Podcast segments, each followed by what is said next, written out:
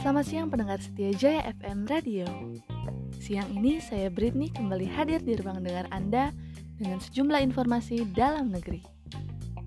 Informasi pertama datang dari kota Balikpapan yang pada tanggal 11 Oktober 2020 kemarin dikabarkan beberapa tempat hiburan malam terancam ditutup.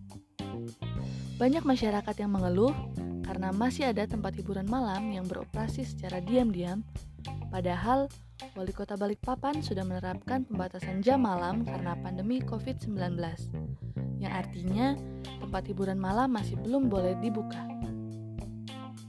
Hal ini tentunya membuat tim Satpol PP melakukan razia.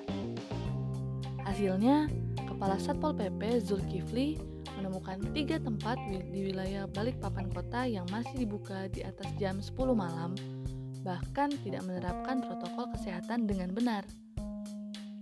Hukuman yang akan diterima menunggu hasil sidang oleh penyidik pegawai negeri sipil atau PPNS. Namun menurut Zulkifli, hukumannya bisa saja berupa penutupan sementara. Demikian informasi pertama yang dapat saya sampaikan di ruang dengar Anda. Jangan ke mana-mana karena masih ada informasi menarik lainnya yang akan saya sampaikan.